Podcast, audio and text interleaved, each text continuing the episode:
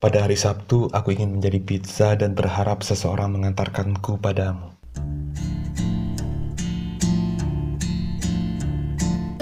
Di depan pintu kau menunggu, seperti kau menunggu seseorang dari tempat jauh.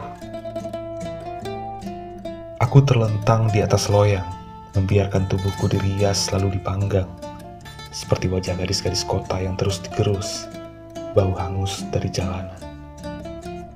Jalanan memang gemar mematahkan kaki-kaki kita.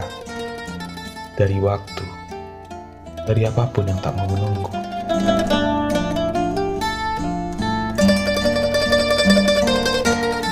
Aku akan menjadi pizza dengan cara-cara yang membosankan. Seperti cara-cara hari Sabtu melumpuhkan ingatan orang-orang tentang negara. Senyuman palsu yang saling bertemu di ganggang sempit atau ruang tamu. Menjadi mimpi buruk manusia di hari lain.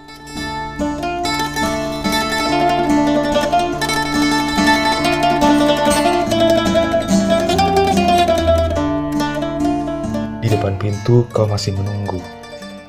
Tak ada pizza atau seseorang yang tiba di hari ini. Lalu kau tersenyum, membiarkanku menjadi sesuatu yang lebih sederhana.